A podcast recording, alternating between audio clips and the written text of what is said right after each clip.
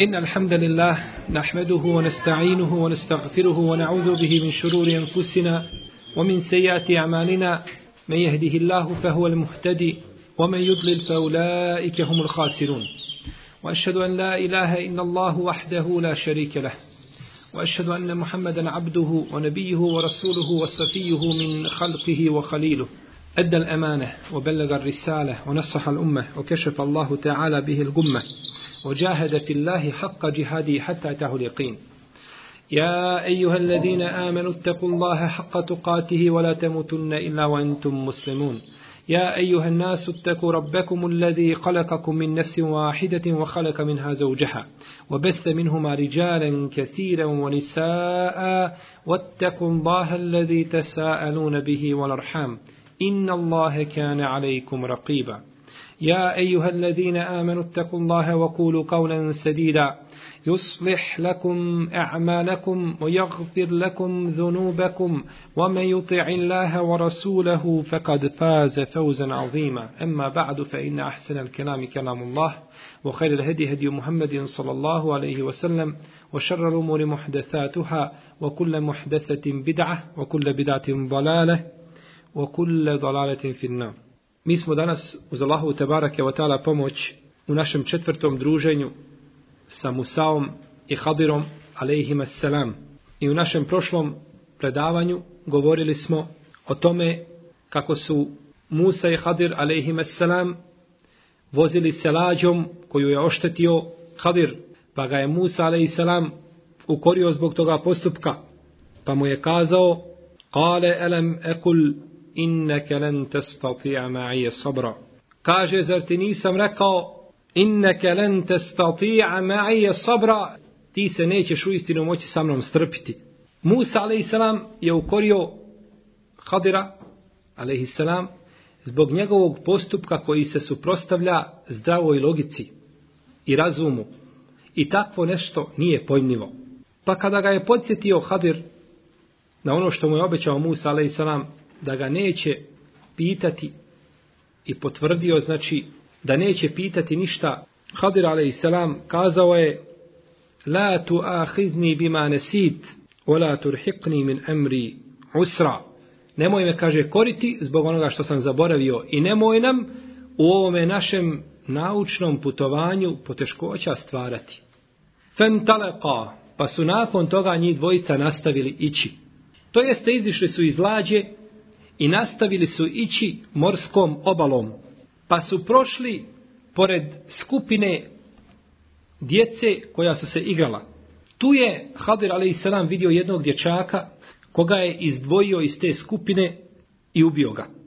Kaže imam El Buhari u svome sahihu da su neki naši ispravni prethodnici govorili da je njegovo ime bilo Džejšur, taj dječak da se je zvao Džejšur.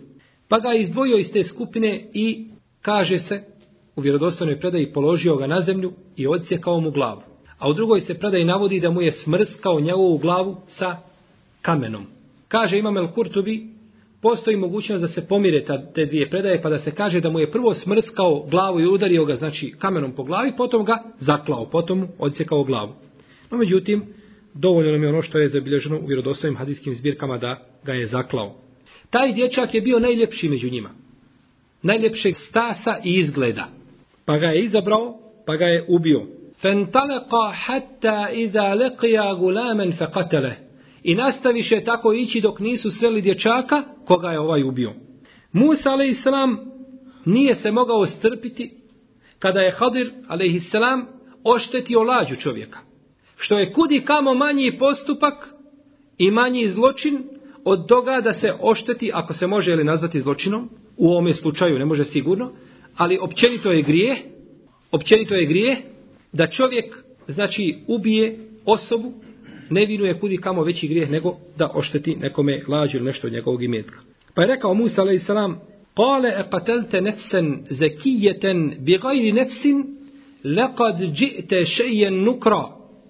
Kaže, zar si ubio bezgriješnu i nevinu osobu dušu koja nikoga nije ubila, ti si u istinu nešto ružno počinio. Ovaj dječak kaže većina mu fesira da nije bio punoljetan. Da je bio maloljetan. Pa je to još veća stvar. Jer maloljetnik se ne pita za svoja djela. Pa nemaš nikakvog razloga da ga ubiješ. Da je ubio odrasla čovjeka, možda bi se kazalo, postoji razlog, ovaj ili onaj zbog koga ga je ubio. No međutim, kada ubije maloljetno dijete, ne postoji nikakav razlog. I na to ukazuje kontekst ajeta. Hatta iza leqija gulamen, dok nisu njih dvojica sreli dječaka. Ne kaže se za, znači, onoga ko je punoljetan da je dječak. To je već čovjek. Ubio si, kaže, nevinu osobu, bezgriješnu osobu koga nikoga nije ubila. Ubiti nevinu osobu je teški grijeh kod Allaha te barake od ta'ala. Ubiti nevinu osobu, naročito muslimana, je jedan od najtežih grijeha kod uzvišenog Allaha te barake od ta'ala. I poslanik sallallahu alaihi sallam je u brojnim hadisima upozorio i ukazao na grijeh koji za sobom povlači ubijstvo nevine osobe. Pa kaže u hadisu, koga bilježi Ibnu Mađe sa vjerodostojnim lancem prenosilata od Abdullaha ibn Amra, ibn Al-Asa, radijallahu ta'ala anhuma, da je vidio poslanika sallallahu alaihi sallam kako tavafi oko Kjabe i govori O Kjabo, kako si lijepa i kako imaš lijep miris i kako je tvoja svetost kod Allaha velika o Kjabo. Tako mi onoga u čijoj ruci Muhammedova duša svetost jednog mu'mina kod Allaha Đelešanu je veća od tvoje okjabu. Njegovi metak i njegova krv i da se o njemu nešto ružno pomisli da se o mu'minu nešto ružno pomisli, a ne da se njegova samo krv prolije, jeli, ili da se njegov imetak uništi. Od Ebu Sejid al-Hudrija i Ebu Hureyre se prenosi da je poslanik sallallahu alaihi sallam rekao, od Isu koga bilježi imam tirmizi i kaže da je dobar, kada bi stanovnici nebesa i zemlje učestvovali svi u ubijstvu jedne nevine osobe, iskupili se svi, pa ubili jednu nevinu osobu, uzvišeni Allah te barak je otala bi svi ubaci u vatru džahenemsku. Svi znači ljudi i džini i što ima od Allahovih stvorenja na nebesima i na zemlji da učestvuju u ubijstvu nevine osobe mu'mina i da proliju krv mu'mina, to je kod Allaha veliki grijeh i svi bi on u vatru džahenemsku bacio. I ome smislu se navode i drugi hadis od Ebu Bekra i drugi ashaba. U hadisu Muavije radijallahu anhu, poslanik sallallahu sallam kaže, koga bilježi vam Nesaji koji je vjerodostojan, svaki grijeh će uzvišeni Allah Đeršanu inša Allah oprostiti, osim toga da čovjek umre nevjernik. Kada umre čovjek kao nevjernik, neće mu to Allah nikada oprostiti. I neće oprostiti čovjeku koji ubije mu'mina namjerno. Ovo se veže za jedno bitno pitanje, a to je da li Allah prima te obu od onoga koji ko ubije mu'mina. Pa ćemo to malo kasnije spomenuti. Ome znači hadisa kaže da Allah neće primiti obu onoga ko ubije mu'mina namjerno. Prije nekoliko sedmica možda ovdje je dječak ili čovjek, kako hoćete, od 18 godina ubio dijete zato što je glasno plakalo. Puno plakalo pa mu to smetalo i došao i ubio ga.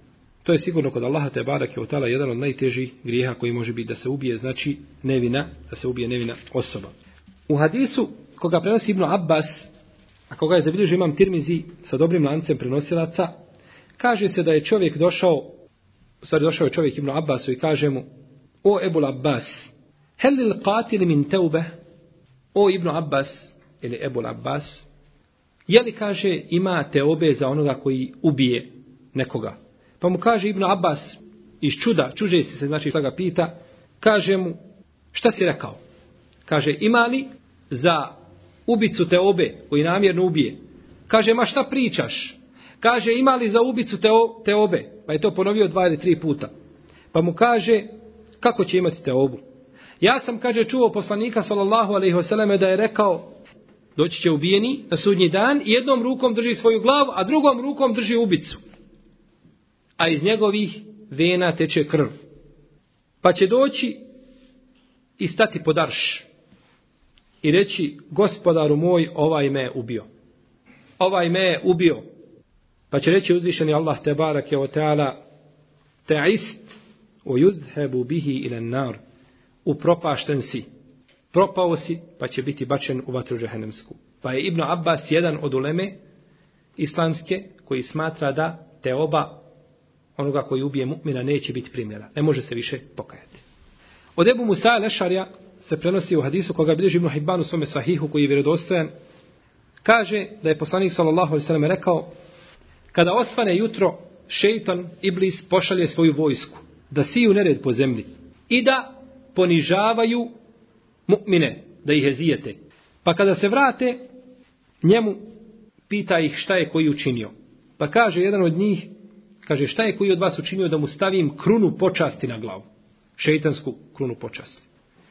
Pa kaže jedan od njih, ja ga, kaže, nisam ostavio dok nije razveo svoju ženu.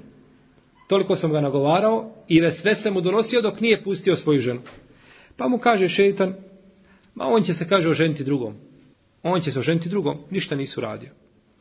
Pa kaže, jedan od njih, ja sam, kaže, nagovarao ga i nisam ga ostavio dok nije bio nepokoran svojim roditeljima. Pa kaže, pokajaće se, pa će im biti pokoran i bit će im dobročinitelj. Opet ništa nisu uradio. Kaže treći, nisam ga ostavio, kaže, dok nije počinio širk. Pa kaže, ti, ti, želeći da mu stavi krunu počaste na glavu. No međutim, u tome momentu dolazi jedan drugi i kaže, nisam ga ostavio, kaže, dok nije ubio. Nisam ga ostavio dok nije ubio. E, kaže, ti, ti, ti dođi vam. Pa je ono ga maknuo, kaže, ti dođi vamo, pa mu je stavio krunu počaste na glavu. Kada je ubio, kada ubije nevinu osobu, to je kod Allaha te barak je otala najteži grijeh. Pa šeitan zna šta je najteži grijeh, pa je dao tome, znači, krunu zbog ubijstva. U hadisu Ubade ibn Samita radijallahu ta'ala anhu kaže da je poslanik sallallahu alejhi ve sellem rekao onaj ko ubije mu'mina želeći to silno, radujući se tome da to učini, to djelo znači namjerno, neće Allah Žešanu od njega primiti la yakbelullahu minhu sarfan wala adla. Allah neće od njega primiti ni sarf ni adl. Sarf se kaže da su dobrovoljna djela na file, a adl da je to da su to farzovi koje čini. Znači neće od njega ništa primiti ono što je što je činio. Po tefsiru ovi riječi ima i drugih ima i drugih mišljenja. Kaže Abu Sa'id al-Hudri radijallahu anhu da je poslanik sallallahu alejhi ve sellem rekao na sudnjem danu će iz vatre izići jedan dug vrat pa će kazati ja sam zadužen za tri skupine ljudi. Prva skupina je svaki gordi oholnik i onaj koji Allahu druga prepisuje i onaj koji je ubio nevinu osobu. Pa će uzeti birati takve ljude i te skupine pa će ih batati u vatru, u vatru žehennemsku. U hadisu koga bileže Buharija i drugi od Abdullah ibn Amra ibn Asa radijallahu anhu kaže da je poslanik sallallahu alaihi wasallam rekao ko ubije štićenika u islamskoj državi, muahida, štićenik u islamskoj državi, židov ili kršćanin, koga ubije, neće ni osjetiti miris dženneta. Ko ubije židova ili kršćanina u islamskoj državi, neće osjetiti mirisa dženneta. A miris dženneta se čuje na udaljenosti od 40 godina, to jeste osjeti se. Na udaljenosti od 40 godina, a on neće osjetiti ni mirisa tog dženneta. Pogledajte kakvu je islam čast ukazao svim ljudima koji žive u islamskom društvu i koji su pokorni Allahom zakonu. Čak bili oni nevjernici. Čak i ne vjerovali u taj vjerozakonik, ne može mu niko znači nepravdo činiti jer je poslanik sa osrem zabranio ulazak u džennet onome ko ubije štićenika u islamskoj državi. A šta mislite onda? A šta mislite onda kakva je stvar kada čovjek ubije, kada čovjek ubije muslimana? I tako brojni hadisi poslanika sallallahu alejhi ve se navode u ome smislu koji ukazuju koliki je grijeh kod Allaha te barake od da čovjek ubije nevinu osobu. Misli se na namjerno ubijstvo. Uzvišeni Allah te barake od kaže ومن يقتل مؤمنا متعمدا فجزاؤه جهنم خالدا فيها وغضب الله عليه ولعنه وعد له عذابا عظيما a onaj ko namjerno ubije mu'mina, njegova nagrada je džehennem. To mu je kazna zbog dijela koje je učinio, u kome će vječno ostati i Allah se na njega naljutio i Allah ga je prokleo i njemu pripada velika kazna. Islamski učinjaci se spore ako čovjek ubije mu'mina namjerno, može li se pokajati? Pa kaže Ibn Abbas i Ebu Hureyre, i Abdullah ibn Amr ibn As, i Hasan al-Basri, i Katade, i drugi, da takav čovjek ne može se pokajati. Nema mu te obe. Nema mu te obe. Ako to namjerno učini, nema mu nakon toga te obe. A kaže većina islamskih učenjaka da se takav čovjek može pokajati. Da onaj ko ubije nevinu osobu, pa se pokaje iskrenom te obom, da će Allah ženu primeti takvu te obu. I to je mišljenje, inša Allah, ispravno. Kaže šehol Islam ibn Taymiye u svojim fetvama, u 34. dijelu svoji fetvi, 88. strani, kada je pitano čovjeku koji ubije nevinu osobu namjerno, pa kaže, ako ga ubije zbog islama, Kao što nevjernici ubijaju muslimane zbog njihove vjere, to je, kaže, nevjernik i kafir. On je izišao iz islama. On je izišao iz islama ako ga ubije. Ovdje se znači, ovo je vezano za pitanje, je li takav čovjek nevjernik kada ubije mu'mina namjerno i da li ostaje na nevjerstvu i ne može se više pokajati. Pa kaže ovdje šehol islam ibn Taymi, ako ga ubije zbog njegove vjere, tada je nevjernik i nema sumnje. Jer kada ubija nekoga zbog vjere, tada on mrzi tu vjeru. Ako mrzi vjeru, ne može sigurno biti nikako musliman. I kaže, takav čovjek liči onima koji su ubijali ashabe i poslanika sa osrami koji se borili protiv njih. Jer se bore protiv, protiv islama. I takvi će, kaže, vječno boraviti u džehennemu. A kaže, ako ga ubije zbog neprijateljstva, namjerno opet, ili zbog imetka, ili zbog neke nesuglasice između njih koja je nastala, ili slično tome, to je, kaže, veliki grijeh. I zbog toga ga ehlu sunnet vol džemat ne tekfiri, već zbog toga ga tekfiri, tekfire haridžije. A kaže ehlu sunnet vol džemat, nikoga od onih koji imaju teuhid u svome srcu ne smatraju, znači, nevjernikom. Potom je citirao ajet koga smo mi spomenuli iz sure Nisa, ako ubije mu'mina namjerno i do kraja ajeta, pa je rekao da se to odnosi ako ga ubije čovjek, jedan od tefsira jeste ako ga čovjek ubije zbog njegovog islama, ili ako ga ubije i ohalali njegovo ubijstvo, e tada biva vječno, znači tada vječno boravi u džahennemu. No međutim, ako ga ubije namjerno, ali ne zbog islama, i ne ohalali njegovo ubijstvo, ne kaže to je halali, to je dozvoljeno to se može uraditi, onda je počinio jedan od najvećih grijeha, no međutim nije počinio nevjerstvo i nije time izišao iz okvira islama. Prenosi se jedna priča koju spominje šehol islam ibn Taymi u svojim fetvama ovdje, od Amra ibn Ubejda, a to je bio jedan od šehova motezilskih, da mu jedan dana jedan od učenjaka Selefa rekao, ako te na sudnjem danu uzvišeni Allah Žešanu bude pitao zbog čega si kazao da će onaj ko ubije mu'mina vječno boraviti u matri, šta ćeš mu odgovoriti? Kaže, odgovorit ću mu, gospodar moj, ti si nas o tome obavijestio. Ti si rekao, onaj ko ubije mu'mina namjerno, on će vječno boraviti u vatri. Kaže, a šta ćeš kada ti Allah Đelešanu kaže svoje riječi, inna Allahe la jagfiru en yushraka bihi, o jagfiru ma dune zalike nime ješa, Allah neće oprostiti da mu se širk čini, a oprostit će ono što je mimo toga kome hoće. Kaže, otkud si znao da Allah neće oprostiti onome što je ubio? Pa je ušutao Amr ibn Ubejd. Pa je ušutao, znači, nakon, nakon ovih riječi. Pa je ispravno kod ehlu suneta od džemata, znači da čovjek koji ubije namjerno osobu, koji ubije namjerno osobu, ne zbog islama i ne ohalali ubistvo te osobe, da neće vječno boraviti u džehennemu i da to nije kufur koji ga je izveo iz okvira islama. Kada je Musa a.s. vidio šta je učinio Hadir a.s. ukorio ga je riječima zar si ubio nevinu osobu koja nikoga nije ubila. Ti si učinio ružnu stvar. Pa nakon toga odgovara mu Hadir a.s. i kori sada Musa a.s. ali još žešće nego prvi put. Pa mu kaže Elem ekul leke inneke len te stati'a ma ije sabra kaže ne rakoh li ja tebi da se ti nećeš moći sa mnom strpiti. Sada kaže prvi put je rekao Elem ekul inneke len te stati'a ma ije sabra. Prvi put mu je rekao zar nisam rekao da se nećeš strpiti. A drugi put kaže zar nisam rekao tebi da se nećeš moći strpiti. Pa ga je ukorio dodao jednu riječ leke tebi kao ukor Musa a.s. Prvi put sam te Prvi put sam ti rekao i oprostio ti i opet si drugi put učinio istu stvar. Pa kaže, zar nisam rekao tebi da se nećeš moći strpiti? Ovdje kada pogledamo Musa a.s. vidimo da je on bio u potpunosti u pravu. Kako da ne osudi ubijstvo nevine osobe? To bi svako osudio. A naročito djeteta koga je ubio. Pa je Musa ali sam, znači po onome što je on raspolagao od znanja potpuno ispravno postupio. Nakon toga kaže Musa ali sam, svome učitelju Hadiru, kale, in seeltuke an še'in ba'deha, felatu sahibni, kad belegte min ledunni uzra. Ako te nakon ovoga budem još nešto pitao, nemoj se više sa mnom družiti i neka to bude rastanak između mene i tebe. I nakon toga imaš opravdanje kod mene, nakon toga imaš opravdanje kod mene, da se više sa mnom ne družiš. Da me napustiš. Jer onda sam zaista, jeli, prekršio ono što sam ti obećao. فانطلقا pa su nastavili dalje ići. Hatta iza etaja ehle qarijetin istat'ama ehleha fe ebeu e yudajifuhuma.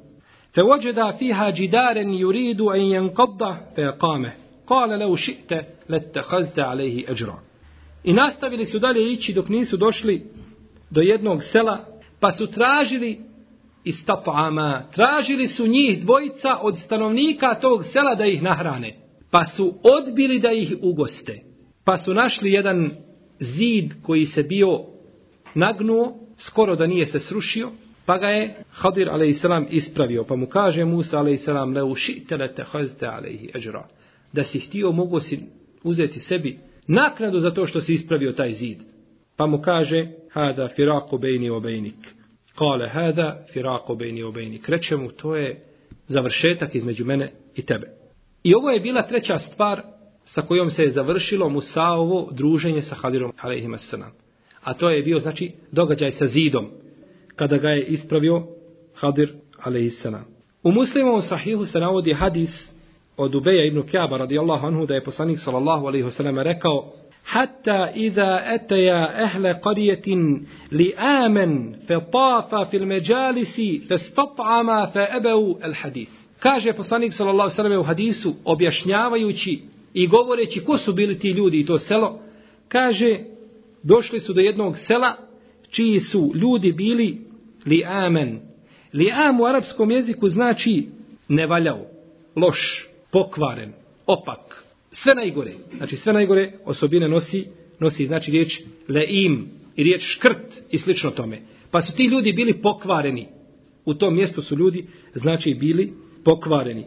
Pa su kaže Musa alejsalam i Hadir kružili od međlisa do međlisa, od skupine do skupine ljudi i tražili da ih nahrane, a niko to nije htio učiniti. Svi su odbijali. Svi su odbijali da ih nahrane. Pa je zbog toga Musa a.s. i kazao, oni su nas, kao da kaže, oni su nas odbili, a mi smo njima dobro učinili. Mi smo imali pravo da uzmemo, znači, naknadu za ono što smo učinili.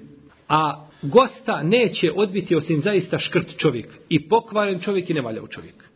Ne odbija gosta. Naročito kada traži od tebe. A ne smije se dozvoliti čovjeku da zatraži gostu od tebe. Nego mu trebaš ponuditi prije nego što zatraži. A kada zatraži, onda je čovjeku zabranjeno da da odbije znači gost. U sunnetu poslanika sallallahu alejhi ve selleme se navode brojni hadisi koji govore o odlikama ugošćavanja gosta. Jedan od tih hadisa jeste predaja Ebu Hurajre koji bilježe Buhari i Muslim koji je poslanik sallallahu alejhi ve selleme kaže: "Men kana yu'minu billahi wal yawmil akhir falyukrim dayfa." Ko bude vjerovao u Allaha i u sudnji dan neka ugosti svoga gosta. Ko ako vjeruješ u gosti, ako ne ugostiš, znači u pitanju je tvoja vjera. Odnosno bolje kazati, u pitanju je tvoje ispravno razumijevanje vjere i tvoje držanje za vjeru i za sunnet poslanika, sallallahu alaihi wasallam. A, predaj koji bilježi vam muslim stoji da je od Ebu Hureyre, kaže, došao je čovjek poslaniku, sallallahu alaihi wasallam. A ovaj čovjek je bio ko? Ebu Hureyre. I dosta puta ashab kaže, došao je čovjek i uradio to i kazao to, a misli na sebe. Ali neće da kaže da je on bio to. Pa kaže Ebu Hureyre, kao što je došlo u drugim verzijama, da je to bio Ebu Hureyre, došao je čovjek od poslanika, sallallahu alaihi vseleme, i rekao mu, o Allahu poslaniče, inni međhud, a u drugoj predaji, esabeni el džehd, mene je pogodila teška glad. Pa je poslanik, sallallahu alaihi vseleme, poslao slugu da vidi kod jedne od njegovih žena ima li nešto. Pa je kazala ta žena, tako mi onoga o Allahu poslaniče koji te je poslao sa istinom, ja nemam u kući ništa nego vodu. Nemam od hrane ništa. Pa je poslao drugoj, pa je dobio isti odgovor. Sallallahu alaihi sallam. Da nema u kući nego samo vodu. Ništa, ni datula, ni kruha. Niti bilo šta drugo za jesti. Pa je rekao poslanik sallallahu alaihi sallam. Ko će ugostiti ovoga čovjeka ove večere? Pa je kazao jedan od ensarija, a to je bio Ebu Talha, kaže ja ću Allahu poslaniče. Pa ga je poveo kući. Kada su došli kući, kazao je svojoj ženi, ovo je gost Allahovog poslanika sallallahu sallam. On je zatražio od njega, pa je tražio ko će ugostiti ovoga gosta. Kaže pa, nemoj, kaže, škrtariti, iznesi pred gosta Allahovog poslanika sallallahu sallam sve što imaš. Kaže, tako mi Allaha ne imam ništa, nego samo ovo malo za večeru što imam za moju djecu, za djecu. Pa je kazao, zabavi ti djecu nečim dok ne, ne zaspu, a kada zaspu, onda iznesi, kaže, sve pred tog gosta. A mi ćemo, kaže, preći u drugu prostoriju i ugasit ćemo fenjere, svijeće i kaže, lupat ćemo sa posudama da i on misli da i mi večeramo. A ne možemo skupa večerati, jeli? nego on večera, da on misli da i mi večeramo. Kaže, pa ćemo onda ići na spavanje. Pa su tako i uradili. Kada su ujutru došli kod poslanika, sallallahu alaihi wasallame, u jednoj se predaj kaže, a mi ćemo, kaže, naše stomake premotati. Smotat ćemo naše stomake, tako da ne ostimo glad. Kaže, pa ćemo spavati. Kada su ujutru došli kod poslanika, sallallahu alaihi wasallam, rekao je, kada ađiba Allahu min sani'ikuma bidajfikuma, Allah se kaže čudi onome što ste vas dvoje uradili sa tim gostom. Allah se čudi onome što ste vas dvoje uradili i kako ste postupili sa gostom koji vam je došao. Da ste uzeli ne samo ispred svojih usta i svoj dio i svoj udio, nego ste uzeli od onih koji su draži vama od vas sami, a to ispred vaše djece. Jer čovjek ponekad može strpiti se na tome da dadne svoj dio gostu. Nije problem u tome, ali je problem da uzme od usta svoga djeteta i da dadne gostu, a sutra nema. Nisu to bile zalihe pa da nema skuhano ili da nema spravljeno, nego nema ništa više nakon toga. Pa kaže Allah se čudi tome. Pa je Allah te barak tala povodom toga objavio ajet koji će se do sudnjeg dana učiti. Pa blago sebu talhi. وَيُؤْثِرُونَ عَلَىٰ أَنفُسِهِمْ وَلَوْ كَانَ بِهِمْ خَصَاصًا وَمَنْ يُوقَ شُحَ نَفْسِهِ فَأُولَٰئِكَ هُمُ الْمُفْلِحُونَ A oni daju prednost drugima nad samima sobom, iako je njima i tekako potrebno. Kako je ajet došao u kakvom kontekstu, subhanallah. Daju prednost drugima, dati prednost drugom, kada tebi nije potrebno, nije problem.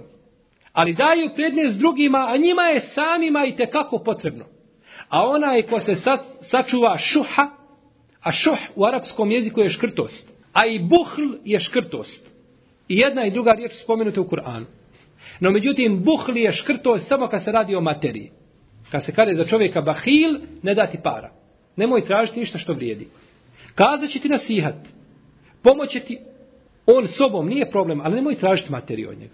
No međutim, šehih ređul, kad se kaže ređulun šahih, znači čovjek mudar, škrt, ne dati ni para, ne dati ni savjeta, ne dati ništa. Nikakvog hara od njega nema. Pa se kaže ovdje, ako se sačuva te škrtosti, on je u istinu od onih koji su uspjeli. Pa je uzvišen Allah te barek od povodom toga objavio, objavio ove ajete. Kaže poslanik sallallahu alejhi ve sellem u hadisu koga bilježi Buharija i Muslim ima Malik i drugi ko bude vjerovao u Allaha i u sudnji dan neka ugosti svoga gosta. A gost se ugošćava tri dana. Stoji u hadisu. Gost se ugošćava ili tri dana. A što bude nakon toga to je sadaka. To je sadaka. Uz dozvolu koga? Vlasnika kuće. Čovjek dođe u gost. Tri dana boravio, nakon tri dana iziđi i ostavi domaćina na miru. No međutim kaže neko, ali poslije tri dana je sadaka pa će ostati još sedam. No međutim, ta sadaka biva samo ako je sa otim složen ko i zadovoljan vlasnik kuće ili domaćin. Ne može čovjek znači samo samovoljno uzimati tu sedaku. I kaže poslanik sallallahu alejhi ve i nije halal čovjeku, nije mu halal, tačno tako u hadisu. Wala yahillu lahu i nije mu dozvoljeno, nije mu halal da ostane kod njega dok ga ne dovede u neprijatnu i neugodnu situaciju, da mu mora kazati, je li, zatvori vrata sa spoljašnje strane nego neka prije toga iziđe i neka prije toga neko ost, neka ostavi domaćina, a neka ga ne dovodi u neprijatnu situaciju. Jer ćemo morati nešto kazati. Bićemo, znači, bićemo na teretu. Pa je čovjeku dozvoljeno, znači, da tri dana bude, da tri dana bude u gost, nakon toga je sadaka, ako želi domaćin. U protivnom, čovjek je dužan, znači, da nastavi, da nastavi svoj put. U hadisu koga bilježi imam Ahmed sa ispravnim lancem prenoslata, kako kaže imam Hakim i šeh Albani, Od Ebu Hureyre radijallahu anhu poslanik sa osrme rekao ome hadisu. Ako jedan čovjek dođe kod jednog naroda kao gost, pa ga oni odbiju, ne prihvate, mu, ne prihvate ga, ne dadnu mu pravo koje mu pripada, neka kaže uzme ono što mu pripada. Neka uzme ono što mu pripada. Pa znači, jedan dio uleme smatra različit po ovim hadisima, da je čovjeku dozvoljeno kada dođe u jedno mjesto i da ne daju mu znači hranu i ne daju mjesto da spava i tako dalje, da mu je dozvoljeno da uđe, znači da prespava u nekom mjestu, da ne ometa druge, da mu je dozvoljeno da uzme, znači da ukrade ono što mu treba od hrane, što ima pravo, znači da što ima pravo tri dana. Jer to je njegovo pravo koje mu je dao ko? Šerijat, Allah je mu dao to pravo. Komu može uskratiti to pravo? Nema mu pravo niko uskratiti to pravo. Ako ima mogućnosti da mu se da to pravo. No međutim, ako nema mogućnosti, onda Allah što obavezuje čovjeka preko njegovih mogućnosti. Mi smo vidjeli ovdje kad smo spominjali od, e, i brojni su drugi hadisi i tekstovi koji ukazuju znači na, na vrijednost i odliku ugošćavanja gosta, možda ćemo još nakladno možda u predavanju spomenuti nešto o ovoj temi. Ovdje smo vidjeli, kaže Allah te barake o ta'ala, istat'ama, festat'ama ehleha. Pa su tražili da ugoste njih dvojicu. U stvari da ih nahrane. Tražili su hranu od njih. Pa kaže Allah te barek od tala fe ebeu en yudayifuhuma. Pa su odbili da ih ugoste. Oni su tražili hranu, a Allah Đelešan nije rekao fe ebeu en yut'imuhuma pa su odbili da ih nahrane, nego kaže fe ebeu en yudayifuhuma pa su odbili da ih ugoste. Jer je ugostiti čovjeka širi pojam nego nahraniti ga. Jer ugostiti ga znači nahraniti ga, napojiti ga, pripremiti mu mjesto da spava, učiniti mu boravak prijatnim, to je sve ugostiti. Pa kaže Allah te barak je otala, oni su tražili da nahrane njih dvojicu, a oni su odbili da ih ugoste. Pa su oni, Musa ali i Hadir, tražili puno manje od onoga što im pripada. Tražili samo hranu i da nastave svoj put. A ovi su odbili da ih ugoste. Pa nisu im znači, dali pravo koje im pripada. Ovdje se postavlja jedno bitno pitanje, a to je, je li dozvoljeno čovjeku da prosi, o tra, kad se govori o traženju, znači nečega je dozvoljeno čovjeku da prosi i da prosijači. Kaže Al-Hariri, Ebu Muhammed Al-Basri, koji je umro 516. hidriške godine kada imam El-Begawi, da je dozvoljeno čovjeku da prosi i da u tome nema nikakve smetnje. On je jedini koji je to kazao od islamskih učenjaka. Imam El Kurtob je ove njegove riječi spomenuo u svome tefsiru i oštro ih osudio. Kaže, on, ako te vrate, ti od kojih prosiš, nema u tome nikakve smetnje, jer prije su tebe vraćeni Musa i Hadir. Pa dokazuje ovim ajetom da je dozvoljeno čovjeku, da je dozvoljeno čovjeku da prosi. Musa a.s. i Hadir su tražili od stanovnika ovoga mjesta da ih nahrane. I to je bilo njihovo pravo da bi sačuvali sebe i svoje živote. Jer je obaveza čovjeku kada ne može sačuvati svoj život, kada bi to dovelo do ovaj u pitanje njegovog života, obaveza je čovjeku da traži, znači da spasi svoj život. Ako mu je dozvoljeno da jede ono što je zabranjeno, onda je sigurno dozvoljeno i da mu i da traži znači hranu da preživi. Pa tako nije dozvoljeno čovjeku znači da traži i da prosijači jer je to grijeh. Poslanik sallallahu alejhi ve sellem rekao u hadisu ko bude prosijačio i tražio, a ne bude imao potrebe za tim, nema potrebe, znači ja traži, doći će na sudnji dan, a njegovom licu neće biti ni jedne grame mesa. Doći će, znači, samo lobanja, čista, kao pograda njemu da se zna da je on tražio i uzimao imetak ljudi, a nije imao potrebe, znači, za tim imetkom i nije mu pripadao. Čovjeku je dozvoljeno da prosijači samo u tri slučaja. Da traži od ljudi samo u tri slučaja kako je došlo u hadisu koga bilježi ima muslim u svome sahihu od kabise radijallahu anhu da je poslanik sallallahu alaihi sallam rekao nije dozvoljeno čovjeku da traži osim jednom od trojice. Onome koji hoće da popravi stanje između dva naroda ili dva plemena ili dva grada ili dva sela i slično tome, da popravi stanje. Tako je dozvoljeno čak da se dane zekjat, da se znači smiri između muslimana. Pa čovjek nema mogućnosti, ali sa imetkom mogao bi promijeniti situaciju dozvoljenom da ide da prosijači i da uzme taj imetak da bi pomirio između dvije skupine muslimana. Takvom je čovjeku dozvoljeno da čini šta? Da učini šta? Da slaže. Njemu dozvoljeno da slaže. A slagati je veliki grije. Veliki je bair, veliki grije.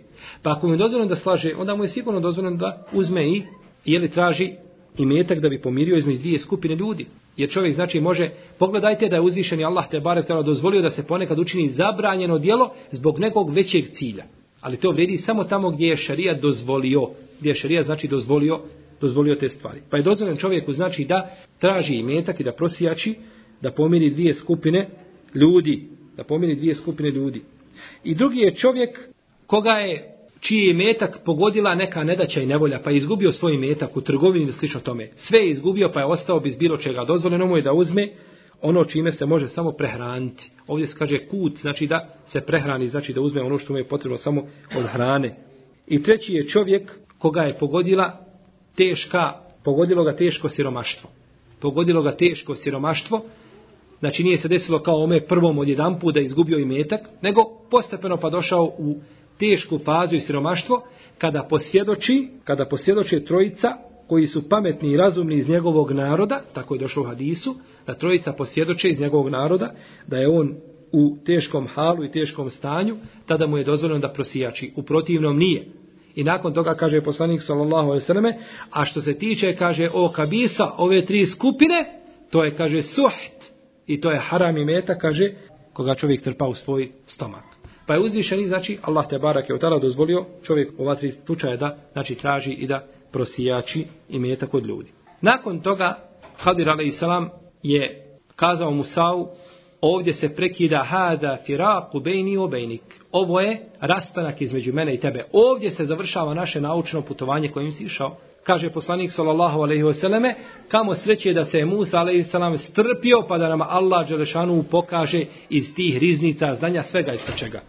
Samo da se malo Musa ali selam strpio pa bismo vidjeli znači svega iz čega, no međutim uzvišeni Allah te barak tela najbolje zna znači šta je ljudima potrebno i koliko im je potrebno znanja, jer, nikad, jer nekad nije potrebno čovjeku da zna sve od znanja, nego da uzme jedan dio, a nakon toga znači može analogno tome znati i mnoge druge stvari. Ali u svakom slučaju uzvišen je Allah te barek tela htio da pouči Musa alaih salam da ima znači uvijek neko od njegovih robova koga je uzvišeni Allah što poučio onome što nije poučio onome što nije poučio druge ljude. Pa je nakon toga pa je nakon toga Musa alaih salam završio svoje putovanje sa Hadirom, ali je Hadir a.s. objasnio Musau hikmet i mudrost zbog čega je učinio neke uh, one tri stvari, jeli, zbog kojih ga je ukorio Musa a.s. Pa ćemo mi inša Allah u našem narednom predavanju možda i završiti ovo kazivanje o Musavu i Hadiru i spominjat ćemo znači razloge zbog kojih je Hadir učinio ove stvari, a Musa a.s. nije imao o tome znanja i nije znači poznavao ono što je poznavao Hadir a.s. Allahu Teala alem, wa sallillahu mena nebina Muhammed, wa ala alihi wa sahbihi ajma'in, wa jazakumullahu khairu.